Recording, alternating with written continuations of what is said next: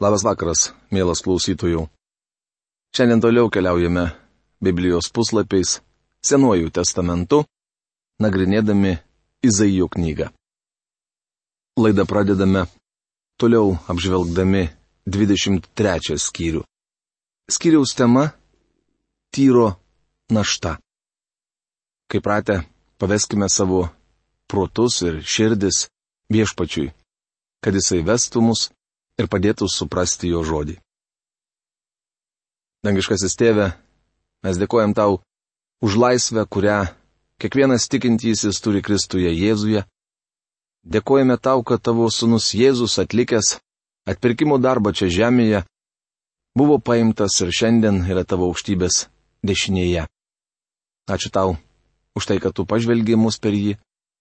Ir ačiū tau už tai, kad tu padedi mums suprasti tave, tavo kelius, kuriais norėtų matyti mūsų einančius, tavo mintis, kurios galėtų tapti mūsų mintimis. Padėk Dieve mums pamatyti save tavo rašto šviesoje, blaiviai įvertinti ir priimti tai, ką tu šiandien esi paruošęs mums per šį tavo žodžio aiškinimą.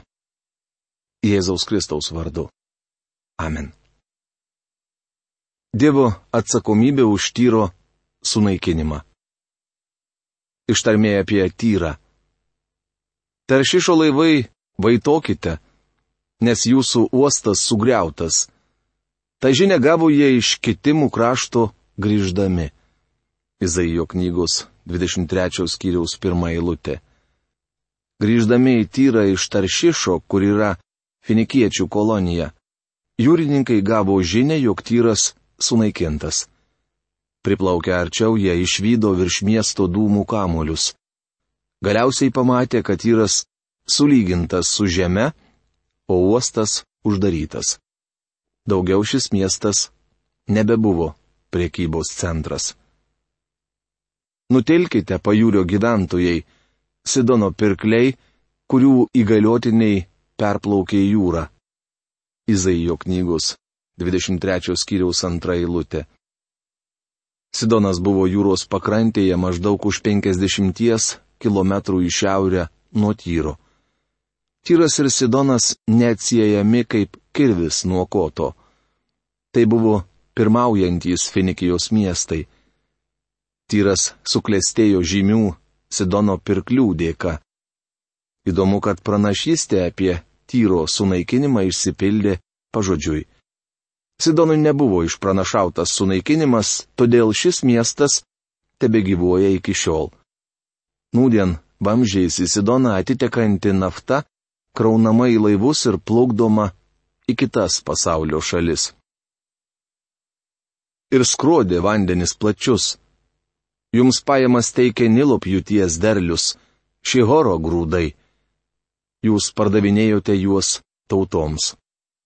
Izaijo knygos 23 skyriaus 3 eilutė. Šihoras reiškia juodas. Taip vadinamas aukštesnysis Nilas.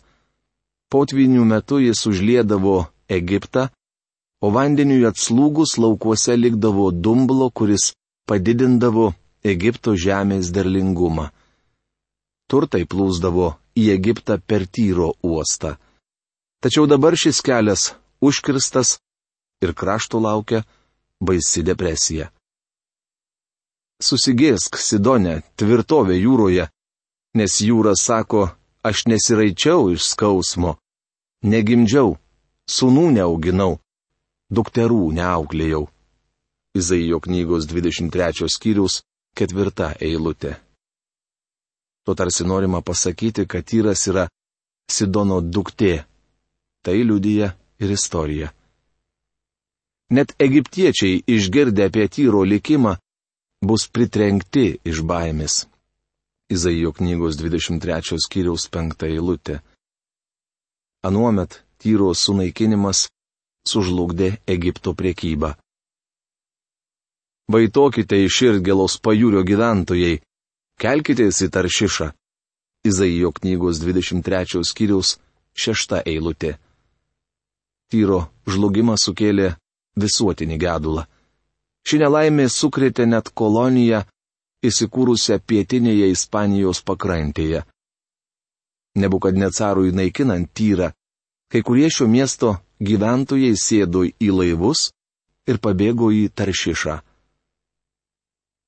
Ar tai jūsų puikusis miestas, senų senovėje įkurtas, ar tai jo kojos vedė į tolimą šalis įkurti savo nausėdėjų? Izaijo knygos 23 skyriaus 7 eilutė. Kiekvienas miestas, tapęs svarbiu komercijos centru, taip pat yra ir pramogų centras, nes ten visuomet būna kūnui patrauklių dalykų. Tyro gyventojai raginami bėgti kuo toliau, nes tariamai puikusis arba kaip verčia kostas burbulys tariamai linksmasis miestas sunaikintas. Kas šitaip lėmė tyrui karūnų dalytojui, kurio pirkliai lyg valdovai, o verteivos lyg žemės didžiūnai. Izaijo knygos 23 skyriaus 8 eilutė. Šioje eilutėje sakoma, kad tyras buvo karūnų dalytojas. Matote, šis miestas buvo įsteigęs karališkų kolonijų. Netaip seniai tą patį darė ir Didžioji Britanija karališka kolonija pavaldi ją įkūrusios monarchijos įstatymams ir administracijai. Ji neturi savo konstitucijos ir atstovaujančios vyriausybės. Galybių viešpats lėmė, kad būtų sugėdintas visas jo išpuikimas, pažemintas visų žemės didžiūnų išdidumas. Izaijo knygos 23 skyriaus 9 eilutė. Nekas kitas o pats galybių viešpats lėmė, kad būtų sunaikintas tyro miestas. Viešpats nesiteisina ir neatsiprašinėja už tai, ką padarė. Žmonių atsakomybė už tyro sunaikinimą. Plauk į savo kraštą, taršišo laive. Nebėra tau uosto. Izaijo knygos 23 skyriaus 10 eilutė. Kostas burbulį šią eilutę verčia taip. Taršišo dukterie, vaikščiok savo žemėje lik upė, užliejanti kraštą. Niekas tavęs nebevaržo. Šioje eilutėje minima upė yra Nilas. Taršišo kolonija dabar laisva kaip iš kraštų išsiliejusi Nilo upė ir gali daryti, ką nori, nes tyra žlugo ir nebegali kontroliuoti šio miesto niekas tavęs nebevaržo. Viešpats ištiesė savo ranką virš marių, išgazdino karalystes ir paliepė, kad būtų sugriautos Kanaano tvirtovės. Izaijo knygos 23 skyriaus 11 eilutė. Ar atkreipėte dėmesį į trejo patyro apibūdinimą? Septintoje eilutėje jis vadinamas linksmuoju miestu, aštuntoje eilutėje - karūnų dalytojų, o čia jis aprašomas kaip priekybos miestas. Tai trys aspektai puikiai charakterizuojantys tyrą. Ir tarė jis, nebedžiugausi daugiau, mergelė Sidono dukterė, tu patekai priespaudon. Nors pakiltum ir nukeliautum į kitimų kraštą, ramybės ir ten tau nebus. Izaijo knygos 23 skyriaus 12 eilutė. Tai apie ką ketvirtoje eilutėje kalbama tik užuominomis, čia pasakyta labai aiškiai. Tyras yra Sidono duktė.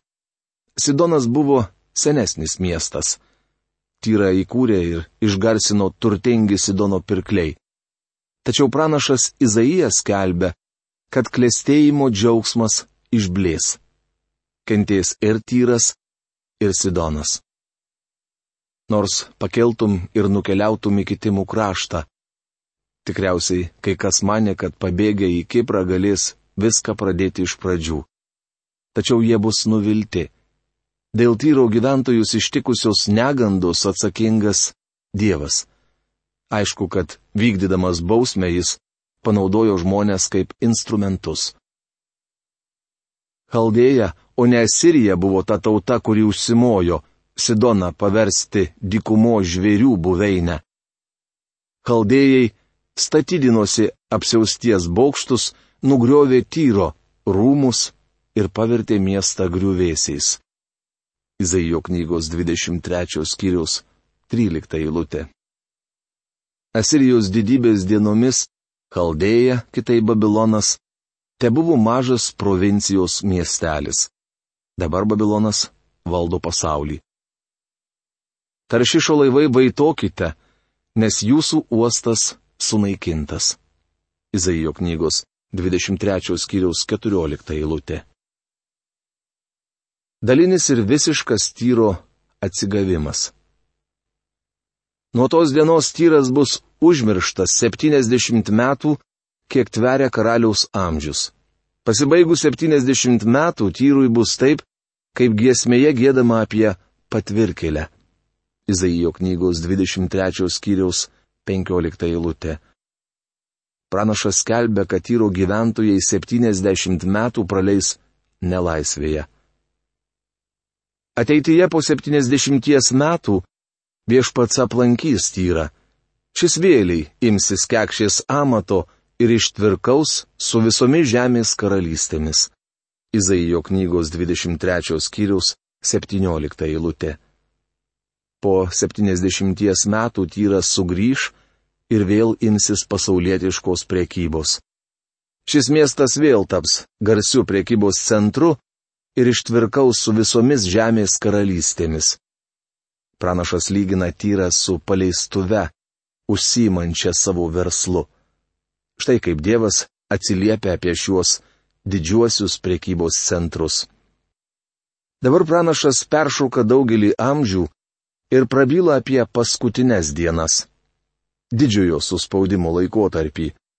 Matome, kad tuomet tyras vėl bus didelė tauta, žemėje pasitiksinti tūkstantmetę karalystę. Bet jo prekės ir kekšavimo uždarbis priklausys viešpačiui kaip šventos atnašos. Jos nebus kraunamos į sandėlius ar taupomos, bet bus atiduodamos tiems, kurie gyvena viešpaties artumoje, kad jie turėtų sočiai pavalgyti ir puošniai apsirengti. Izaijo knygos 23 skyriaus 18 eilutė.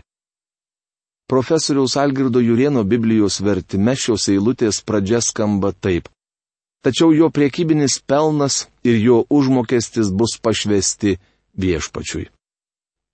Dabar visa pašvenčiama viešpačiui. Tyro žmonės neša tau dovanas, šalies turtuoliai stengsis tau įtikti. Rašoma 45 psalmės 13 eilutėje. Izaijo knygos 24 skyrius. Tema - ateityje būsantis didysis užspaudimas. Nors šiuo skyriumi pradedama nauja Izaijo knygos dalis, jame vis dar kalbama apie teismą.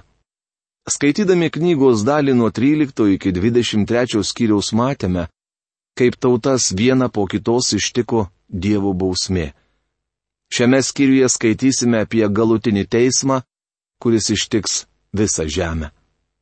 Mūsų viešpats Jėzus Kristus jį pavadino didžiojo suspaudimo laikotarpiu. Tiek Deličas, tiek Dženningsas šį skyrių vadina eschatologiniu. Jie teigia, jog čia kalbama apie galutinį Dievo teismą, kuris ištiks visą pasaulį. Kaip jau minėjome, dauguma nuo 13 iki 23 skyriaus užrašytų ištarmių apie tautoms skirtas naštas jau išsipildė. Ši galutinė bausmė išsipildys ateityje. Dievo bausmė visam pasauliui. Štai viešpats niokoja žemę ir daro ją dyką, apverčia aukštyn kojomis ir išblaško jos gyventojus. Izaijo knygos 24 skyriaus pirmą eilutę. Šioje eilutėje pavartotas hebrajiškas žodis erets, verčiamas žodžiu žemė, tačiau jis gali reikšti tiek Izraelio kraštą, tiek visą pasaulį. Visos kiriaus kontekstas rodo, kad minėtas žodis vartojamas reikšme visas pasaulis.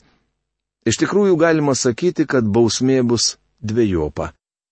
Dievas baus ne tik Izraelį, bet ir visą pasaulį. Todėl ryja žemę prakeiksmas, jos gyventojai kenčia bausmę už savo kaltes. Todėl jie blykšta iš baimės. Ir gyvų žmonių liks tik nedaugelis. Izaijo knygos 24 skyriaus 6 eilutė. Dievas pažadėjo Nojui, kad daugiau niekada nesunaikin žemės vandeniu. Ateityje jis ištiks pasaulį ugnimi. Kostas burbulyšę Izaijo knygos eilutę verčia taip žemės gyventojai sudeginti ir žmonių mažai belika. Antro Petro laiško trečios skyriaus šeštoje septintoje eilutėse sakoma, todėl ir anu metu pasaulis žuvo vandeniu aptvindytas. O dabartiniai dangus ir žemė tuo pačiu žodžiu yra palaikomi ugniai, saugomi teismo ir bedievių žmonių žuvimo dienai. Šventųjų išsaugojimas. Nuo 13 iki 15 šios skyriaus eilutės kalbama apie tai, kad Dievas išsaugos šventuosius iki didžiojo suspaudimo laikotarpio pabaigos. Žemė ir tautos atrodo kaip alybmedis alyvų derlių nukrėtus, kaip išrankos vynogių derlių nuėmus. Šie pakelia balsą, džiugiai skelbia viešpaties didybę. Iš vakarų jie krikštauja, rytuose jie džiūgauja, Pamariuose jie šlovina viešpaties Izraelio Dievo vardą. Izaijo knygos 24 skyriaus 13-15 eilutės. Dievas Izraelyje ir pamariuose, tai yra visoje žemėje, išsaugo savo likutį. Tas mažas likutis išmėginimo metu arba didžiojo suspaudimo laikotarpiu pakels savo balsą šlovindamas viešpaties Izraelio Dievo vardą visuotinės ir neprilykstamos kančios. Nuo žemės pakraščių girdime juos gėdant, te būna šlovė teisėjam. Bet aš tariau, galas man, galas man, akvargas man, išdavikai nesiliauja išdavinėti, išdavikai klastingai išdavė. Izaijo knygos 24 skyriaus 16 eilutė. Galas man, galas man, Ak, vargas man. Šaukia pranašas išvykęs siaubingas didžiojo suspaudimo negandas. Tai bus iš tikrųjų baisus laikotarpis. Panašiai šį laikotarpį apibūdino ir mūsų viešpats. Tuomet bus didelis suspaudimas, kokio nėra buvę nuo pasaulio pradžios iki dabar ir kokio daugiau nebebus. Ir jeigu tos dienos nebūtų sutrumpintos, neišsigelbėtų ne vienas žmogus bet dėl išrinktųjų tos dienos bus sutrumpintos. Rašoma Mato Evangelijos 24 skyriaus 21-22 eilutėse. Siaubas, dobė, pinklis laukia jūsų, žemės gyventojai. Izaijo knygos 24 skyriaus 17 eilutė. Šioje eilutėje teigiama, jog tomis dienomis žemės gyventojams grės trys pavojai Visų pirma paminėtas siaubas. Tai reiškia, kad žmonės negalės išsivaduoti iš baimės. Nuo to laiko, kai tarp Winstono Čerčilio ir Franklino Roosevelto buvo pasirašyta Atlanto paliaubų sutartis, politikai diskutuoja, kaip išvaduoti pasaulį nuo baimės. Norėčiau jūsų paklausti, ar šiandien pasaulis laisvas nuo baimės? Be abejo, kad ne. Nepasitenkinimas ir baimė tvyro visur. Reikia pasakyti, kad didžiojo suspaudimo metu baimė virs tikrų siaubu. Antrą pavojų pranašas Izaijas vadina duobe. Tai mirties pavojus. Šiandien pasaulį gazdina atominis ginklas, grasinantis viso žemės gyventojams siaubinga mirtimi. Tačiau Dievas sako, kad neleis žmonijai susinaikinti. Viešpats Jėzus kalbėjo, jeigu tos dienos nebūtų sutrumpintos, neįsigelbėtų nei vienas žmogus. Trečias pavojus yra apgavystė, arba kaip prašo Izaijas pinklis. Viešpatės Jėzaus Kristaus žodžiai, kuriais jis pradėjo Lyvų kalno pamokslą, labai taikliai apibūdina didžiojo suspaudimo laikotarpį. Evangelijos pagal Mata 24 skyriaus ketvirtoje eilutėje skaitome. Žiūrėkite, kad jūsų kas nesuklaidintų. Bus metas, kai žmonės galvos, jog prasideda tūkstantmetė karalystė.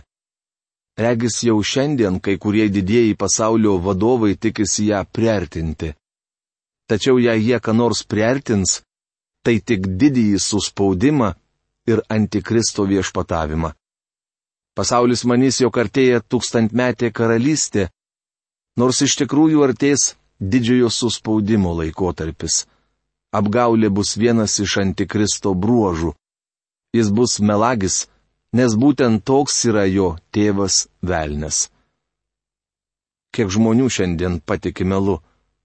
Jie apsigauna dėl gyvenimo. Ar dažnas masto apie amžinybę? Priešingai, daugelis galvoja tik apie tai, kas čia ir dabar. Mokslininkai atmeta sukūrimo istoriją. Jie apie ją nenori net girdėti. Mes gyvename apgaulės dienomis. Jūs gali apgauti mokslas, politikai, visuomenės informavimo priemonės, karo vadai ir nepatenkinti mitinguotojai. Vienintelė pagalba - viešpats Jėzus Kristus. Greškitės į jį. Jis tapo mums išmintimi ir yra vienintelė viltis. Didžiojo suspaudimo metu žmonės bus apgaudinėjami. Žvelgdamas iš šio žemės gyventojus, antikristas galės juoktis, slapčia sakydamas - mulkiai. Tokie jie ir bus. Velnes visuomet taip vertino žmoniją. Iš tikrųjų mes ir esame mulkiai, jei neatsigręžėme į Kristų. Kas nuo siaubo bėgs, tas duobėnai puls. Kas iš duobės išlips, tas į pinklės įsipainius. Nes dangaus langai aukštai bus atidaryti ir žemės pamatai sudrebės. Izaijo knygos 24 skyrius 18 eilutė. Tie, kurie neįpuls į mirties duobę, įsipainios į pinklės. Apreiškimo knygoje pasakyta, kad pasaulį ištikus siaubingai bausmiai, vienu metu išnyks ketvirtadalis visų gyventojų, o kiek vėliau išmirs dar trečdalis žmonijos. Suspaudimo laikų šventieji prikeliami iš numirusių. Tai nuostabi šventojo rašto pastraipa, kurioje kalbama apie prisikėlimą. Jie bus suvaryti į krūvą, tarsi belaisviai duobėje. Jie bus uždaryti kalėjime ir po ilgo laiko gaus bausmę.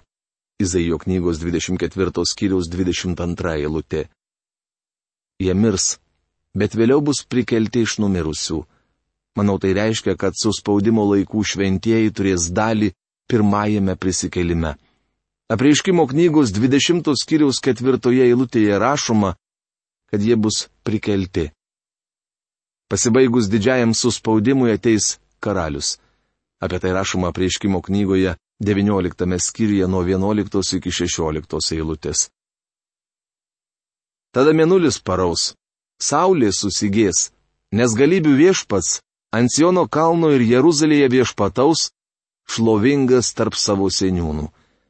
Izaijo knygos 24 skyrius 23 eilutė mėnulis paraus, saulė susigės.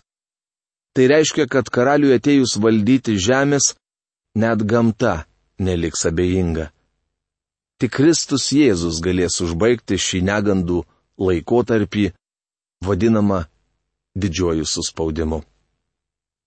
Aliai, tokia žinia šiandien. Iki greito sustikimo.